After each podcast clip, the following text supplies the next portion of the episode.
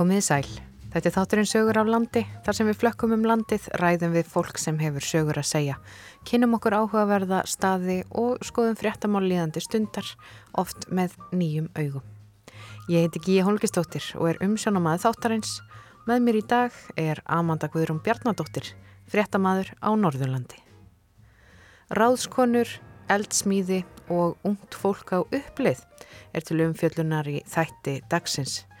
Og við hefjum ferðalagið á heimsókn til Dalrúnar Kaldakvísl Eigerðardóttur, sagfræðings og forveitnust þar um rannsóknir hennar á ráðskonum í sveit á síðari hluta 20. aldar. Ég tók viðtal við 41 fyrrum ráðskonu og ég auglýst eftir þeim í blöðum og tímarætum en fyrst og fremst kannski í bændablaðinu. Því næst rifjum við upp viðtal frá árunni 2018 þar sem rætt var við Hall Karl Hinriksson, myndlistamann og eldsmið sem var við störf í eldsmiðju Eldsmíðafélags Söðurlands. Sjáðu, nú er það að byrja að brenna, sjáu því. Heldur betur. Að, að koma aðeins mistar úr því, sindrar af því, sko, Já. já. Þetta er of heitt, sko. Maður á ekki að fara svona því. Og að lokum kíkjum við í rektina á Dalvík þar sem hópurinn ungt fólk á uppleið hittist reglulega og æfir saman. Ég er bara að æfa mig og svo ég verði bara hressari og ég, ég er nú verður svolítið gömulega en, en þó ekki. En við byrjum á ráðskonunum. Ég brá mér í heimsók til sagfræðing sem að nýlega lög doktorsprófi frá Háskóla Íslands. Halló! Sæl! Já, hæ. Herðið má ekki byrja kaffi? Jú, endilega. Ég vil fara upp í sveit. Þar í sumar vil ég vinna Veit ég þar er margt að finna. Ég vil reyna eitthvað nýtt. Því ég veit að allir elska kaupa konu Eh, Ég heiti Dalrún Kaldakvísl Eigeradóttir og er sagfræðingur. Eh, Ég hef verið að skoða mikið kvennasöguna og eh, er seffræðingur í munlegri sögu sem er í einfalleik sínum svona aðferðafræði sem felst í því að taka viðtöl, greina þau og, og, og, og, miðla þeim sem sagfræðilegri þekkingu. Þú vannst doktorsverkefnið þitt um uh, ráðskonur og ég er hérna með þessa- þessa doktorsrítgerða bók uh, fyrir framán okkur og það heitir Huldufreyju ráðskonur í sveit á síðari hluta 20. aldar. Um, hvernig var að vinna þetta verkefni?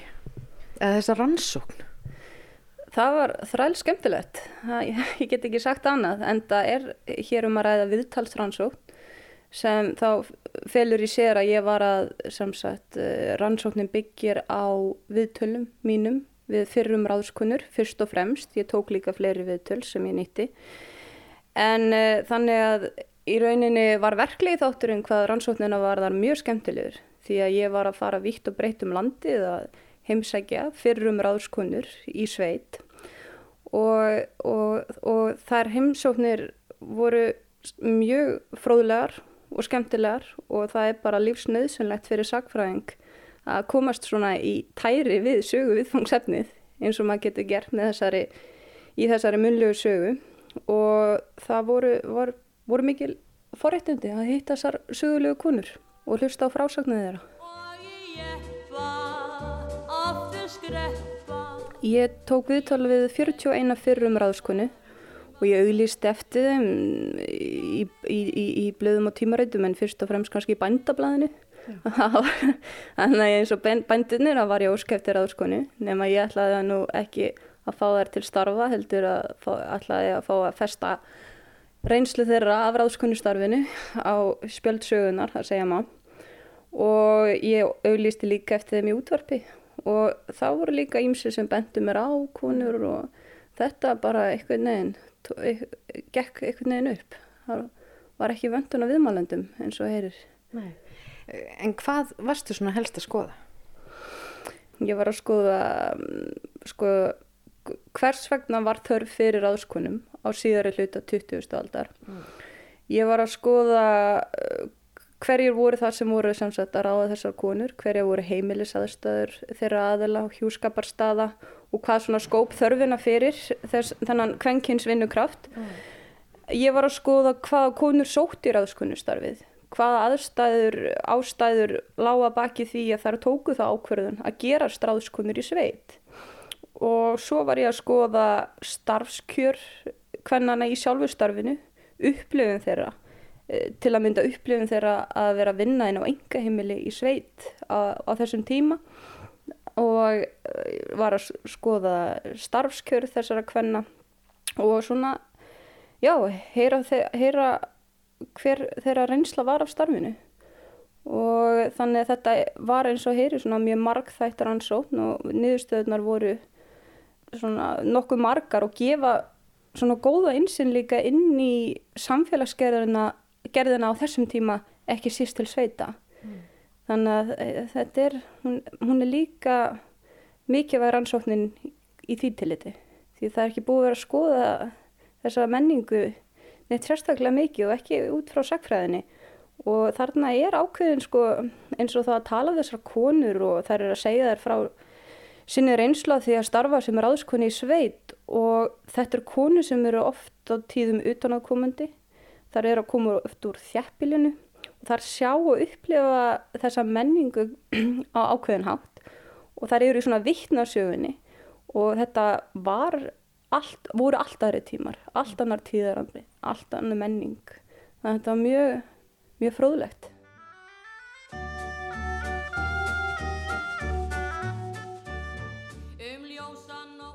Um Ástæðana fyrir því að ég ákvaða að rannsaka ráðskonu starfið er að ég vissi að þetta væri gammalgróin atvinnustjætt sem var ekkert búið að rannsaka en hún, mér fannst hún svo sérlega áhugaverð á þessu tímabili síðar í hluta 20. aldar því þetta er mikil grósku tími hvað varðar réttnindamál hvenna. Þar höfðu mikla atvinnu og mentuna möguleika en á sama tíma eru þessar konur að fara úr þjæppilinu í sveitina til að sinna þar eh, svona gamalkunnu kvennarstarfi þetta er, eh, sem byggir í grunninn á því að sinna heimilistörfum og þetta fannst mér mjög áhugavert og amma mín, föður amma mín Ólafía Kristín Siguradóttir hún sem sagt fór sem ráðskona í nokkra visti með börn sín með sér. Hennar æfi að segja maður hafði sannlega áhrif á það að ég ákveðið að hérna að gera þessa rannsókn. Maður byrja að ferli með ykkur spurningar og, og leitar svara og svo var svarið bara amma allan tíman svarið var að þarna jú, það voru, hún var svona að segja maður svona klísjan, einstæð móður sem fór í sveit með börnin til að svona uh, því að það var ekkert uh, félagslega kerfið var bara ekki nógu burðu til að, að, að, að hérna hlúa að þessum konum Já, ég tók viðtal við hann ömmu mér þess að ég náði að króa hana af. Þannig að ég mætti þetta til hennar með viðtalsgræðunar og amma sagði mér sögu sín og það eru þetta öðru að heyra á sögu ömmu sinnar. Já. Því að það sem ég geri er að taka svona lífsfyrirsviðtöl þannig að fólk, þar konurnar segja mér svona frá aðdraganda þess áður, þar, áður en þar gerast ráðskunur. Það er að segja, svona, segja mér stuttlega frá æfisinni áður svo ég geti sett þetta allt í samhengi. En þannig ég heyri þetta á æfi ömmu minnar og, og, og, og af hennar reynslu af ráðskunnistarfinu en sem eru þetta annars konar þegar þú þekki konuna vel.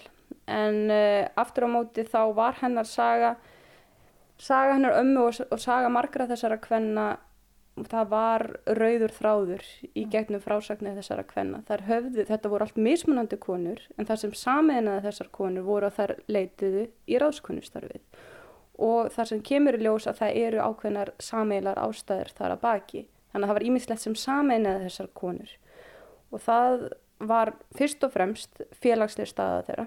Þetta voru yfirleitt ungar, ómentaðar konur úr þjæppilinu, einhleipar konur uh, og þá fyrst og fremst einstæðar mæður. Og þetta voru þá einstæðar mæður sem voru sko, átti erfitt með að fóta sig í samfélaginu því eins og ég segi það bara gerði einhvern veginn ekkert ráð fyrir tilvist þessara kvenna og barna þeirra en samt voru gerðar heilmiklar kröfu til þeirra.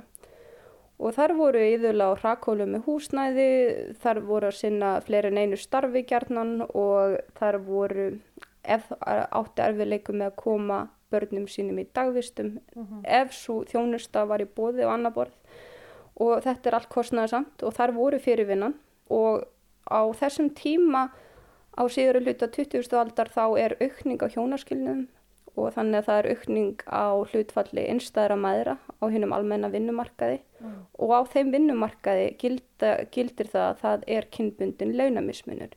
Þannig að það hafa margt á móti sér. Og hvað gerir móðir, sjálfstæða móðir? Jú, hún leitar lausna og þarna er sér móður lausn. Þarna í, á íslenskum sveitabæjum sög er mikil þörf fyrir kvenkinsvinnuafl til að sinna heimilishaldi út af því að það er búið að vera mikið brott hver kvenna úr sveitum í þjæppili. Og þá fá, sjá þær möguleikan á því að fá þarna fæði og húsnæði fyrir sig og börn sín og líka tíma til þess að verja með börnum sínum. Því það, er, þegar það var svolítið mikið þrástef við viðtölunum, þetta var svo mikil, móð, mikil maðurasaga. Þar sá þetta sem tækifæri til þess að eigða tíma með börnum sínum, að þurfi ekki að senda þau í dagvistun og, og sáu þetta sem tækifæri á að öðlast ákveði sjálfstæði því þar voru það áttu erfileikum með það oft í þjæppilinu.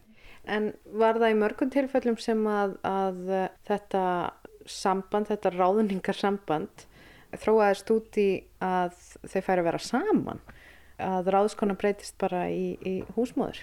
Já, það held ég nú. það gerði sannlega. Það er hérna tóku, uh, sko ég held að hafi verið hvað mína viðmælendu var þar, þá var það um fjóruðungur kvennana sem tók saman við bondan og, og flest allar giftust þeim mm. og svo stopnuðu fjölskyldu og, og það var bara mikið, þannig að það var sannlega líka romantík í ráðskonu sögunni og, og eins og kemur fram í rannsókninni þá er það kannski okkur að hjónaband ráðskvenna og bænda hefur kannski hvað mest verið svona í forgrunni hvað var það svona ímynd fólks af starfinu svona, og á þessum tíma líka þar töluð um það sko að fólk hafður heimlega væntingar mm. til þess að það tækju saman við bondan það er kannski hvaðu fólki að þar voru að fara að gera stráðskunnur í sveit og þá fylgdi með sko þá gerði fólk bara ráð fyrir því að þar myndi það sem kallast að þá myndi þar bara ílengjast mm. og að þar erðu bara þá húsmaður maður sjálfkrafa. Og þar voru ekki alltaf hressar með, með þessi viðhorf því að þar voru þetta bara að fara gangi á hver starf. En, en það er alveg og það kemur alveg fram í íslenskur dægumenningu eins og í, í skálsuguna hennar snjólegu braga ráðskonu óskast í sveit. Hver stert þetta minni er þetta sögulega minni að ráðskonan taki saman við bóndan mm -hmm. og ekki að auðvitað ekki ástæðalöysi því það gerði skernan og það er sögur sem til eru um rítarsögur um, um ráðskonur sem taka saman við bóndan uh, þær lifa þetta miklu lengur og, og akkurat og rata í rítaform fremur en sagan af ráðskonur sem kom og fór uh mhm. -huh. þannig að ímynd ráðskonunar sem tók saman við bóndan hún er miklu sterkar í sögunni en hinnar ráðskonunar sem tók ekki saman við bóndan, þú skilir En þá er að spyrja um, um sko, uh, það var romantík og, og, og sömur ílengdust en svo eru kannski aðra sem að voru í slemri vist. Já, það kom vissulega fyrir að, að hérna að að konur uh, reyður sig sem ráðskonur á bæ sko það er svolítið erfitt með ráðskonustarfið því að þar viss sko, þar viss ofta ekkert að hverju þar voru að ganga. Mm. og þú ert kannski þú ert kannski mestalagi búin að spjalla við bóndan í síma. Mjög sjaldan voru þær að gera sér ferð að skoða bæin áður stundum kannski kýttu kallanir í bæin og voru, já kannski stundum bara reynilega að skoða konuna því margir voru í hjúskapar hugleðingum af bændunum og það kom nú alveg eh, bersinnilega fram. En eh, þær sko þannig að þetta er svo mikil áhætt að segja mig úr sért að fara þarna með börniðin og svo kemur inn á heimili og það mætir ákveði andrumsloft og þú þarfst að lesa í aðstæður, þú þarfst að byrja strax að vinna og koma þér þér fyrir bæði sko sem fyrir í hlutverk vinnukrafsins en á sama tíma ertu aðlagast heimilinu, þessu nýja heimili þínu og barsins. Þannig að þetta er mjög erfitt og þegar þú kemur inn á heimili og, og, það, og, og þú lendir í ykkurum hremmingum því þú ert þart á sama tíma, þú þart ekki bara að finna það nýtt heimili, heldur líka nýtt starf og sumar fóru jafnvel flökku á milli ráðskunni vista því það lendur bara á leiðindarsbæjum og þá var það yfirleitt sko þar sem faldu konurna frá eðlilega var þá ef, ef bændunir voru að reyna við þær eða bara hreinlega beittu þær ofbeldi. Þannig að það var svona mjög erfitt, þú getur ímyndaðir eins og voru að tala um hvað þetta er leiðilegt þú er kannski búin að koma þér fyrir ert- líður vel á bænum og, og svo byrja kallin að reyna við þig. Og svo ef þú segir nei þá bara herðu, þá getur þú bara farið að halda áfram ég meina þetta er þetta ekki þetta er þetta ekki búið í öðrum störfum. En þetta var, voru þessi dræmi kjör sem mættur áskonum því að þar voru eins og kemur fram eila aldrei sko þar samningar þeirra millum bæ- bændana voru yfirleitt munlegir það voru, var ekkert stjættafélag sem þar gáttu leita til. Það voru svona meira starfstjætt í orðin að borði. Þannig að þetta var mjög réttindaleg starfstjætt kvenna og það er yfirleitt þegar kemur af uh, réttindarstöðu heimilisjúa líka aðila sem starfa inn á heimilum í dag hún er oft mjög viðkvæm og þessi saga ráðskvenna á síðari hluta 20. aldar ég er að vona það að, að, sko, þeirra saga að hún hafi áhrif líka á stöðu sko, ekki síst kvenna sem er að sinna heimilistörfum í dag of konur að erlendum með erlendan bakgrunn, of konur sem eru með svona viðkvæma félagslega stöðu að þessi saga er eftir að þjóna sem einhvers konar innleg líka inn í réttinda baróttu þeirra kvenna kvenna sem til dæmis heyrðist í í MeToo-byltingunni á köplum, hefði þurft að heyrast meira í en svona er þetta. Og þannig að já þetta er, þetta er saga sem þjónar samtímanum svo við vist Dalrún, þú ert að rannsaka svona kvennasöguna Ja. og munlega heimildir og, og, og hvað ertu að fást við bara núna? Er ykkur rannsaknir sem þú ert að vinna að núna?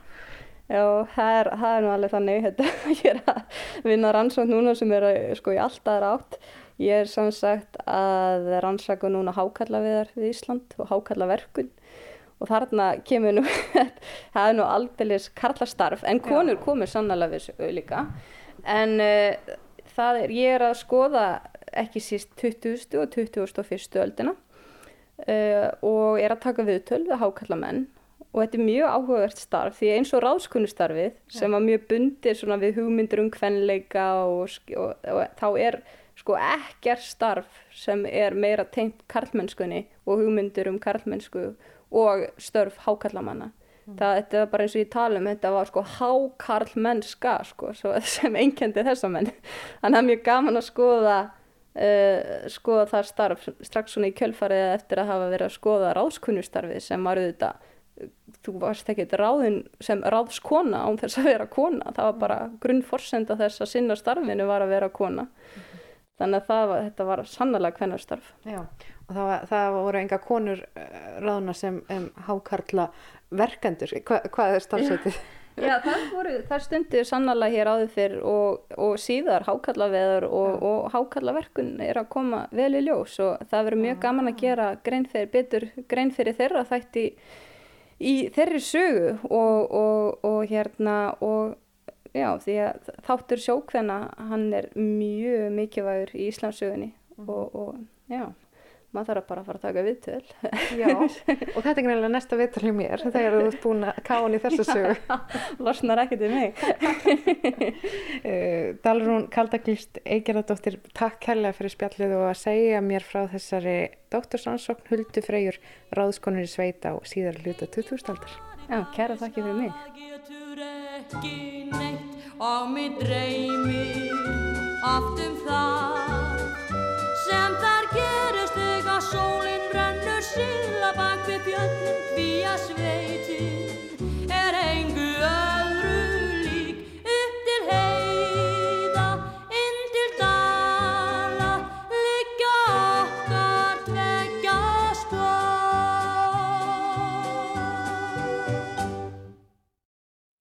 Hér heyrðust tónar frá Elli Viljámsdóttur. Ég vil fara upp í sveit. En úr ráðskunnustarfinu er haldið annað. Við rifjum upp eldra viðtal úr sögum á landi frá árunnu 2018 þar sem Dagur Gunnarsson fylgdist með eldsmið að störfum. Eh, Ég heiti Hafnur Karl Hinriksson og er myndlistamæður og eldsmiður. Við erum stattir í gamalli skemmu á Eirabakka sem að Eldsmiðafélag Suðurlands hefur uh, gert upp og breytt í eldsmiði. Eldsmíða félag Suðurlands. Já. Já, það, ég held að þessi orður um 70 meðlumir sko. 70? Já, það held ég. Allavega á Facebook sko. Og hvernig verður svona til? Er bara með áhuga félagsmanna. Þetta er svona yðin og ástundin sem að ég veit að margir hafa áhuga á að prófa og, og fáir hafa kannski tækifæri til. Þannig að Já, þetta er ekkert svona sem að maður vippar upp í úti, úti í garði heima hjá sér. Nei, það er að vísu alveg hægt og, og það er hægt að sjálfmynda sig alveg helling í þessu sko en, en það er kannski, margir vilja gera þetta í eitthvað svona félagskap sko og læra af öðrum og, Er þetta bara kallmenn? uh, Já, ég held það. Ég held það eins og staðan er núna þessi, ég man ekki eftir einu stelpum svona í ögnablikinu sko því miður. Og hvað, í hverju fælst þetta? Eh, Ég sé fyrir mér sko skeggjaða menn með leðursvundur og eru ofsalega sterkir. Þessi dútar þurfa bara að fá staðar. Hvað ert að gera núna? Heyrðu, ég er að reyna að kveikja upp í, það gengur svolítið illa, kólinn er eitthvað eins og rauk sko og, og þetta er ekki að, að bombast upp eins og, eins og ég hefði viljað sko en Það er þarf, það þarf rosalega hitta. Já, það verður mjög mikill hitt í kólunum, við erum í jarðkól sko, koks og, og þau verða svo heit að þau bara bræða og brenna stál sko. Þannig að ef þú gleymir því sem þú ert að smíða þarna í sko þá bara eðilegst það. En, en í svona kólasmiði þá verður alltaf bara stjaka og fylgjast með hvað er að gerast sko. Af því einmitt út af þessu, þú getur ekki bara svona stilt á einhverja x gráðu sko. Ég veit ekki hvað þau brenna með mikið hitta, ég veit þessi 2200, 2500 gráður eitthvað sliðis og stálbráðunar við 16-1700 það er um bíl held ég. Ég er nú ekki með þessar tölur á hreinu sko. Ég spilaði þetta bara eftir augunum. Ástæðan fyrir því að, að ég hérna kvappaði í þér með þetta viðtal var að ég sá á Facebook að þú, þú varst að sína myndir af mjög flottum hnífum sem þú smíðar. Já, takk, já, einmitt. Þannig að það, er það svona aðalmálið, hnífar og, og, og ég veit ekki, vopn? Nei, nei, alls ekki vopn sko. Uh, ég er meiri sér einsett með það þegar ég fór að smíða hnífa að þeir eru að vera þannig að sko þeir ættu heima í eldhúsi skiluru og, og væru eitthvað e- eitthvað sem að fólk væri til í að sko þú veist, hafa heima hjá sér. Ekki einhverja reyndirasveðjur sko. Og, og reyna þá að smíða þá þannig að þeir væru svona grannir og léttir og fínlegir og bara svona eins og og hnífurinn minn. Þú veist, bara svona passlegur vinnunhjúr Nitjan hnífur. Já, ég meit, já, nýtja eða vinnunhjúur sko. En ástæðan fyrir hnífunum er kannski að, veist, þarf að finna sér eitthvað til að búa til, sko. Það er svo borlegjandi að prófa að smíða hnífa, sko. Það er, það er svo, það er svo opbúslega auðvelt fyrsta val. Já, það? já, já, ég, ég er, ég reyndar veit að ég geti kannski fengið verkefni við að smíða hnónagla í báta eða, eða hurðarlamir eða eitthvað þess að sko. En það er bara gaman að smíða hnífa. Þeir eru aðeins meira sexy heldur en nóðunaklar. já, já, einmitt, einmitt. En hvað er það við hnífa? Og þeir verða náttúrulega að býta. Þetta er, er engin brefanhnífar. Nei, einmitt, þeir, þeir eru, það þarf að herða þá, sko, það er, það er líka það sem er svo gaman við þetta, það eru fræðin bakvið, sko, hvernig stál virkar og, og, og hvað þarf að gerast í stálinu til þess að, sko, til þess að, hérna, til þess að verði hægt, sko. Það eru, nú kemur svolítið reykur þegar sem kannski stífum við aðeins frá, sko. Þegar kólinn komar fyrst í kontakt við hitan, sko, þá gefa þau frá sér gös sem er ekki gott að anda að sér. Þá fyrir stífa aðeins út úr eldsmiðinni hérna.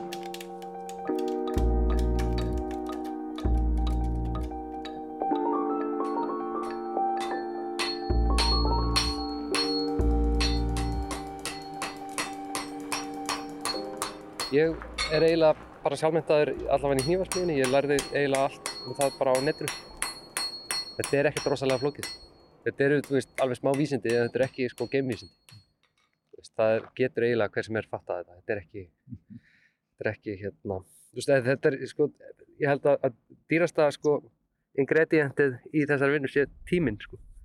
Þú veist, þegar ég var að byrja var ég að setja kannski 50 tíma í einn nýf. Ah. Þú veist, ég- var í svona 10 tíma að smíða þennan. Það bara kemur. Já, þetta er rosalega mikið svona trial and error sko. Það tekur, tekur drullu langan tíma að- bara gera sín mistök og maður þarf bara að gera þau og, og prófa að skemma einn hnífi sem maður er búinn að kannski vera að vinna í 30 tíma og eðilegja hann síðan og mistakst herslan og hann bognar og eitthvað þú veist, allt þetta. Þetta er bara prósessin, þetta er partur af þessu. Ég held að allt og margir hætti kannski bara svona við fyrstu mistök. Triksið er heldur bara að halda áfram og, og, og, læra og gera þetta bara fyrir sjálfa sig allavega fyrst sko. og reyna ekki að smíða hnífa sem líta út eins og eitthvað í einhverjum tímaritum sko.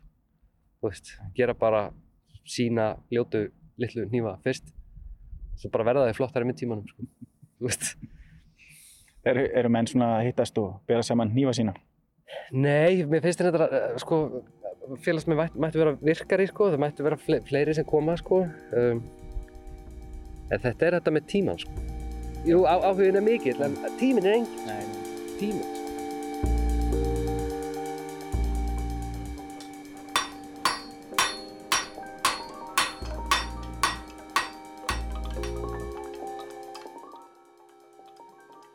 Nú skulum við aðeins kíkja á hvernig gengur með Já. brunan.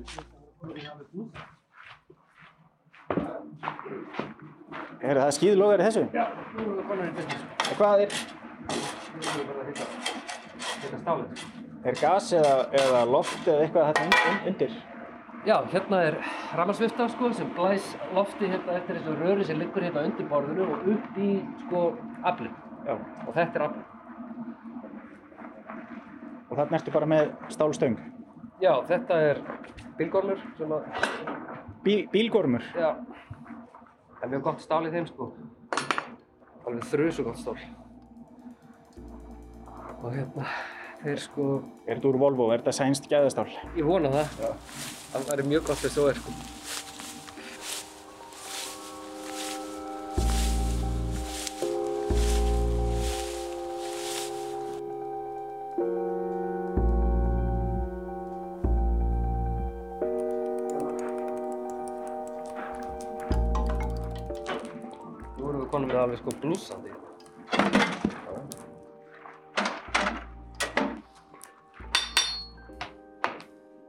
Mjög verklegur við þetta. Til að smíða hníf úr svona gormi þá þarfst bara að fletja hann, gorminn sko. Og þá, og, hnífar eru auðvildir í smíðum af því að þetta eru bara prófílar. Þetta eru bara svona silhúettur sem þú síðan, þú veist, brýnir með slípiband. En, en reyðgaðir þá ekki? Þarf maður þá ekki alltaf að olíubera það og passa upp á það? Já, það passar einmitt. Þeir, þeir eru sko, þeir eru hérna, þetta er high carbon stál sem ryðgar. Og svo ef við skoðum hnífinn minn hérna til dæmis, þá sérðu að hann er ryðgaður. En það er allt í lagi, hann er að svertast hægt og rólega. Og það fellur á þá með tíð, tíð og tíma. Og það verður til á, það það verður á, þá, á þeim svona húð á endanum sem er svona svolítið eins og gamum skiptileikum. Það er að prófa þetta.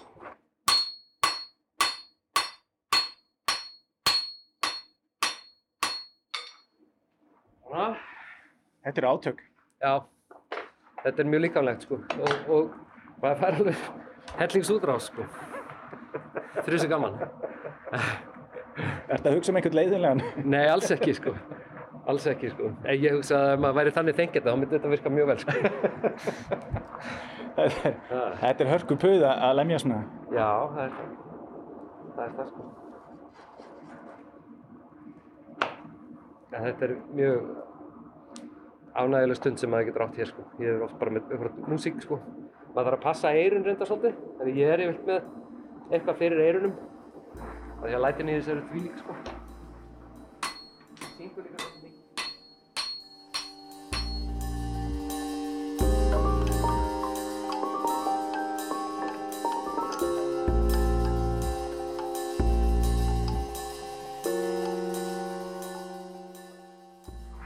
Hvað með örgismál hérna? Er ekki hætta á að brenna sig eða fá eitthvað í augun? Jú, algjörlega sko. En, en þetta er kannski einn af þessum kemum valísins þar sem að það má ennþá gera allt. Það má ennþá gera hluti. Hef ekki að það má ennþá meða sig. Já. Það er partur af þessu. Það er þetta ekki gaman en þú veist, maður brennir sig og maður fær hérna glóði skeggið og eitthvað. Já, hefur þú fengið, hefur fengið glóðið sekið? Já, já, þú veist, það bara, þú veist, ná henni út. Þú veist, ég er líka í vinnuböksum sem henda ekki, það er vasar, svona opnir vasar á þeim. Það er alveg klassíst að fá móla hérna ofan í, sko. Þú veist, eða verið í stígvilum og fá móla ofan í stígvilum, þú veist, eitthvað svona rugl. En það er bara partur af þessu, sko. Og það er meira sem bara pínu gaman þegar það gerist, sko. Svona. Sjáðu, nú er það að byrja að brenna, sjáðu því. Heldur betur. að að koma aðeins neistar því syndrar sko. af því, sko, já. já. og þetta er of heitt sko, maður á ekki að fara svona því það er ekki gott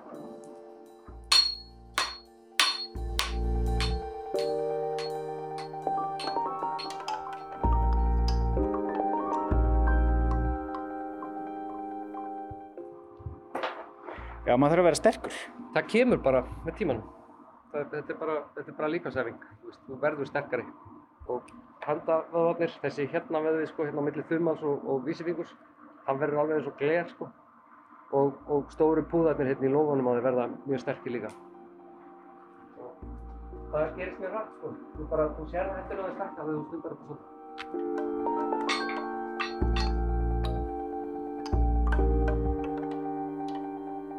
Þetta er æðislegt sport fyrir, fyrir mjög stóra menn sko. Það gerist rosa margt í hverju hamarsækju þegar þú ert svona stór. Og þetta er alveg ídeal fyrir, fyrir svoleiðis fólk sem þarf. Ha, það er ekki ástæðuleysi sem að þeir eru verið líka stóri sko, eldsmiði. Þú veist, það bara, bara fungerar betur fyrir þá líkamskett sko. Það er alveg bara eins og liftingar eða þess að sko. Við kettlingarnir eigum kannski ekkert í þetta. Jú, algjörlega sko. Sko, perfekt, sko, manneskja í þetta er svona mjög stór introvert. Herru, þú skulum bara herða þetta blad. Það er bara þannig. Serðu litinn sem er að verða hérna fremst? Já, nú er þetta alveg að hvítna þarna fremst. Já, við viljum fara alveg upp á því mark.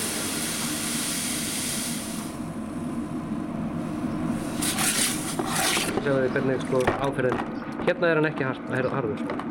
Þetta hittum við ekki um, það er þetta hérna sem er. Og við getum prófað hann með þjör. Óhert efnið það hljómar svona. Sjáðu hvernig þjölinn býtur í það sko. En þetta er hart gerist ekki neitt. Ég er bara að skemma þjölina hérna. sko. Þetta er orðið harðar en hún. Núna er hann orðin alveg gler gler harður og, og ég myndi brjóta hann ef ég færi með hamarinn á hann. En, en það sem mynd, mynd, væri gaman að gera núna væri bara að, setja hann aftur í, í hitan, lega hann bara að kólna að sjálfu sér í róleitur. Þá mýkist efnið. Því hægar sem það kólnar, því mýkra verður. Og þá er langt best að slípa það og vinna það og þá myndi ég bara klára að slípa á þetta egg sko það væri líka þetta eldsmiðana og þegar maður er orðin sáttur þá, Þá herðir þá maður. maður sko. Mm, síðan bakar maður já, temprar sko. það er að tempra. já, núna er hann svo harður að hann, ef ég myndi setja egg á þetta sem að væri alveg hægt sko. Að þá er hún alveg óbúslega beitt en hún er líka óbúslega brota og það myndi kvarnast mjög hratt úr henni.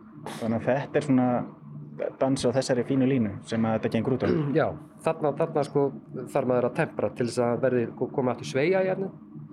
Og, og það gerist sko, veist, það kemur þessi, þessi eiginleiki stáls að geta svignað og rétt sig aftur og orðið farið aftur í samt horf sko, þetta, þessi fjöðrun sko, þú færð hana með því að tempra. Þarna, þarna erum við komin í svona hvar þú ert svolítið að velja hvernig þú vilt að verkfærið fungir. Sko. En skerpan skiptir líka miklu máli. Já, þannig að sko suma hnífa myndur þú jafnvel bara ekki tempra neitt sko.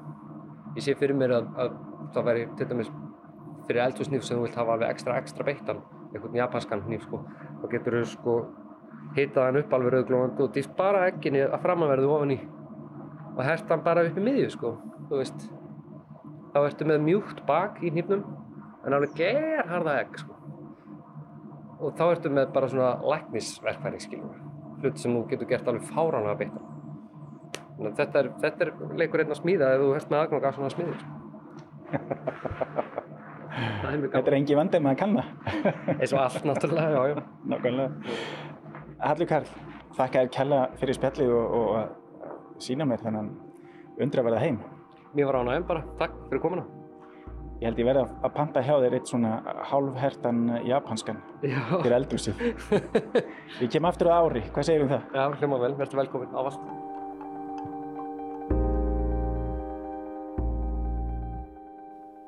Viðtal frá árinu 2018, Dagur Gunnarsson rætti hér við myndlistamannin og eldsmiðin Hall Karl Hinriksson.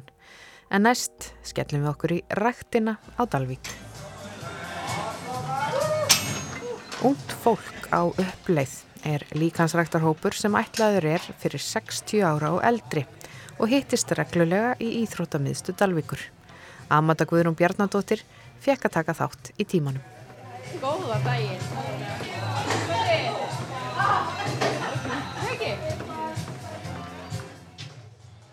Ég heiti Sigrún Friðriksdóttir. Og hvað er þetta að gera hérna í dag? Ég er bara æfa mig og svo ég verði bara hressari. og Ég, ég nú verður svolítið gömunnefnilega en, en þó ekki. Ymmi, þannig að þið finnst þetta að vera að hjálpa? Já, algjörlega. Og hefur verið að mæta lengi eða? Já, já, já. Mörg ár. Og stefnir á að halda áfram eins lengi og skrokkurinn leifir? Algjörlega. Stendur allavega vel hérna á brettinu? Takk.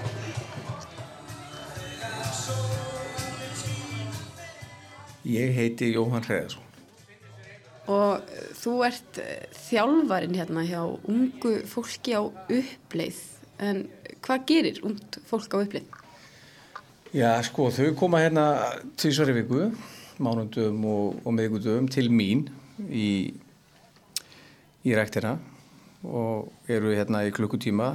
Við hittum upp, fyrir svo inn í sal og, og förum í ræktina, tökum á því þar, svo endur á svona tíu minna slökun.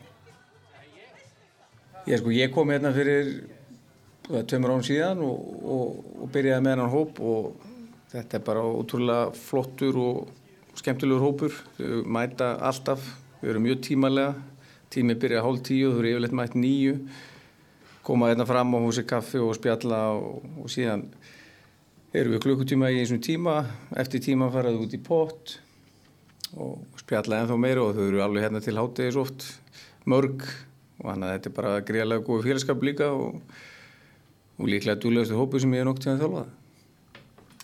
Og ég sá núna þegar ég lappaði inn að, niðri í salnum, uh, ræktasalinn er hérna á efrihæðinni, en í salnum á neðrihæðinni, þar eru hópur á leikskólabörnum. Er þetta eitthvað sjónamið hjá okkur að blanda þessum kynsluðum saman hérna?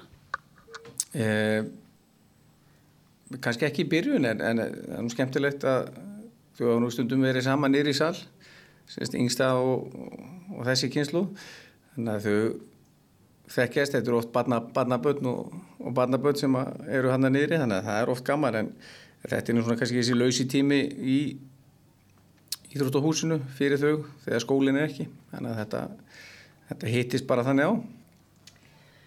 En þetta fólk sem sækir þetta, eh, er það á öllum getustíðum? E, já, hann má segja það. Þau eru, eru hérna, þetta er bara hópu sem að, ég svo samt svolítið jafn, en, en auðvitað eru sumir sem að treysta sér að gera meira og, og aðrir gera þá bara minn og við erum bara að snýðast ekkert við vexti eins og maður segir með það og, og það fá allir verkefni við hæfi en svona heilt yfir er þetta mjög jafn hópur og, og gríðarlega bara mikið metna fyrir að taka á því sko. Og nú var ég fluga á veg hérna í tímanum áðan, það sem voru eitthvað 20 manns uh, mætt að taka á því. Er þetta alltaf svona vel sótt? Já, þetta er sérstaklega núna, svona þegar við erum að reyna að sigla út úr þessu COVID ástandi, þá erum við alveg, við höfum alveg verið 25 þegar mest hefur verið, þannig að ég myndi segja að við fara aldrei færri en 15 allavega, sem koma á mándum mjögdum. En tónlistin, hún var, hún var skemmtileg, en kannski ekki þinn hefðbunna ræktartónlist. Hvernig fellur hún í kramið? Já, þetta er nú eiginlega bara þeirra, þeirra listi. Þau vilja hafa þessa tónlist og, og við erum með Emil Einarsson sem, sem plötust nú hérna frammi og hann er búin að velja tónlist fyrir þau og þau eru bara hæst ána með þetta. Uh, en sérðu mikinn mun á uh, ytgendum frá því þú tókst fyrst við þeim og svo núna? Já, þau sem hafa verið hjá mér uh, hvað lengst og, og mest og mæta alltaf sem er náttúrulega bara að kjarnir á hópnum öllum það er, maður sér alveg og þau segja mér að, þau finna alveg mun og það er náttúrulega bara mjög jákvæmt og skemmtilegt og, og þau eru líka í sundleikum með henn á, á þriðudum og fymtudum hjá henni seilu og, og þannig að þau eru að æfa fjóru sem í viku Hardugleitt fólk? Já, þetta er bara, þau vilja hefa sig og, og þau sleppa aldrei tíma saman hvernig viðrar og, annað þannig að þau eru bara, eins og ég segi, þetta er, það mættu margir taka þau til fyrirmyndar. En sérðu þá fram á að halda áfram í þessu næstu ár? Já, ég hef mjög gaman að þessu og meðan að ég hef tíma og, og, og fæ, fæ að halda þessum hóp og þau vilja hafa mig, þá er ég, þá er ég meir en til. En ef segir mér aðeins frá þér sjálfum, þú ert ekki dalvikingur uh, í grunninn, aðfluttur, hvernig hefur samfélagi tekið á mótið þér? Uh, það hefur tekið bara mjög vel á mótið mér. Ég, eins og ég segi, ég, kona mín er hérðan og ég hef nú verið hérna með annan fótinn lengi.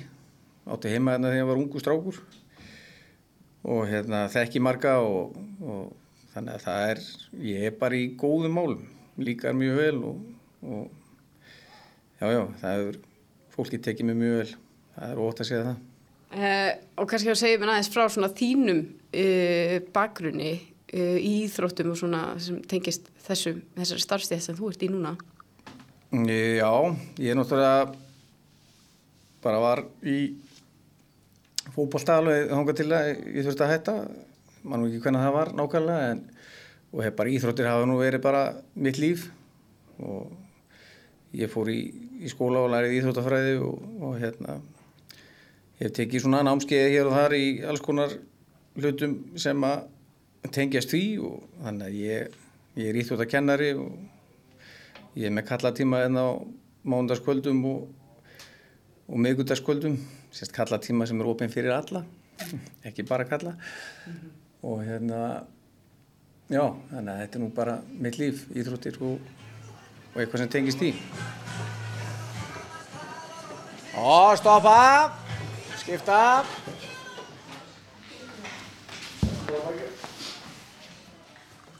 Ég heiti Lín Torfadóttir. Ég heiti Ása Harðardóttir. Og hvað eru þið ungar? Ég er 77. Ég er 73. Nú eru þið að mæta hérna í þessa hóp tíma hjá ungu fólki á uppleið. Hvernig finnst ykkur? Finnst bara meiri háttar. Það gefur mann tækifæri til þess að halda sér við. Finnst það æðislegt. Og hvað gefur þau ykkur að mæta hérna uh, tviðsverju viku og taka á því með fólkinu? Bæði félagslega, þetta er svo skemmtilegt og svo náttúrulega styrkja líka mann, ekki veitir af. Þetta hessi mann bara alveg við, allavega. Hvað er það sem ykkur finnst skemmtilegast, kannski skemmtilegustu æfingarnar eða, eða hvað er þegar þið komið ykkar? Bara, mér finnst þetta bara allt skemmtilegt, uppheitunin er í sal og, og svo æfingarnar og, og svo kvildin og eftir ekki, hún er ekki verst. Já, ég segi það sama, mér finnst þetta bara allt mjög gott og kvildin er mjög góð. En finnið þið einhvern mun á ykkur eftir að hafa byrjað að mæta hérna reglulega að taka á því? Já, það gerir maður. Það hlýtur að vera. Annars er ég ómikið alltaf í ykkur stúsi, ykkur reyfingum. Svona. Ég ætlaði að mynda að spyrja, svona, eru þið mjög virkar almennt og hafið alltaf tíð verið virkar á einhvern hátt? Minnur í líkamsrækt eða þannig? Já, Já alltaf verið ykkur, alveg frá unlingsaldri. Þú líka? Já, svona eldri árum þá erum við bara mjög döli. Uh, er eitthvað ráð sem þið myndu gefa uh, fólki og svona eldra fólki sem vill kannski koma sér á stað í einhvers konar hreyfingu en hefur sér ekki í að taka fyrsta skrifið? Já, það er nú það. Ég held að það helst að fara með einhverjum kunnulegum og, gefa mann að stað. Bara að mæta, langt best. Hvetja alla sem að er ekki fæðin á stað, það drífa sig. það er þess virði. Já, sannlega. Við byrjaðum með- bara á að segja mér fullt nafn hjá þér. Sigurður Áskjörsson. Og hvaða æfingu ert að gera núna? Þetta er eitthvað sem þjálfar vöðva aftan í leiðri. Tekur þetta vel, í? Það gerir það, já. Ef það gæti verið meira. En hvernig finnst þér að koma hérna tvisar í viku og taka á því með fólkinu? Þetta er bara. Það er, þú sérðu bara alla þessa fegur í kringum hann hérna. Þetta er, þetta er svo að vera á unlinga heimili. Maður, kemur svo dettur í huga, maður er svo komin 80 ára, 80 tíma, já, svona 60 aftur í tíma. Þetta er bara gaman hérna, ekkert annað. Þetta er svona hálki félagsbyrstu bara að vera mættur ykkar. Það sjálfsögðu, þetta er bara, þetta gefur manni mikið. Þegar maður er komin á þennan aldur og þá er þetta bara allt gott. Þó ég sé kannski einstur í hóflum, það er sama. Hér var rætt við ungt fólk á uppleið, líkamsræktar hópa á Dalvik fyrir 60 ára og eldri. Amanda Guðrún Bjarnadóttir, fréttamaður, rætti við þjálfara og yðgendur. Og með þessu síðasta einslægi er komið að lokum í sögum af landi. Og auk þess að forvitnast um ungt fólk á uppleið, þá var rætt í þættinum við Dalrúnu Kaldakvísl Eigerðardóttur um rannsóknir hennar á ráðskonu starfinu og svo var endurflutt viðtal frá 2018 við Hall Karl Hinriksson um eldsmíði. Og við minnum á að þennan þátt og eldri sögur að landi má finna í spilara rúf og öðrum hlaðvarpsveitum. Við þökkum þeim sem hlýtu. Lífið heil.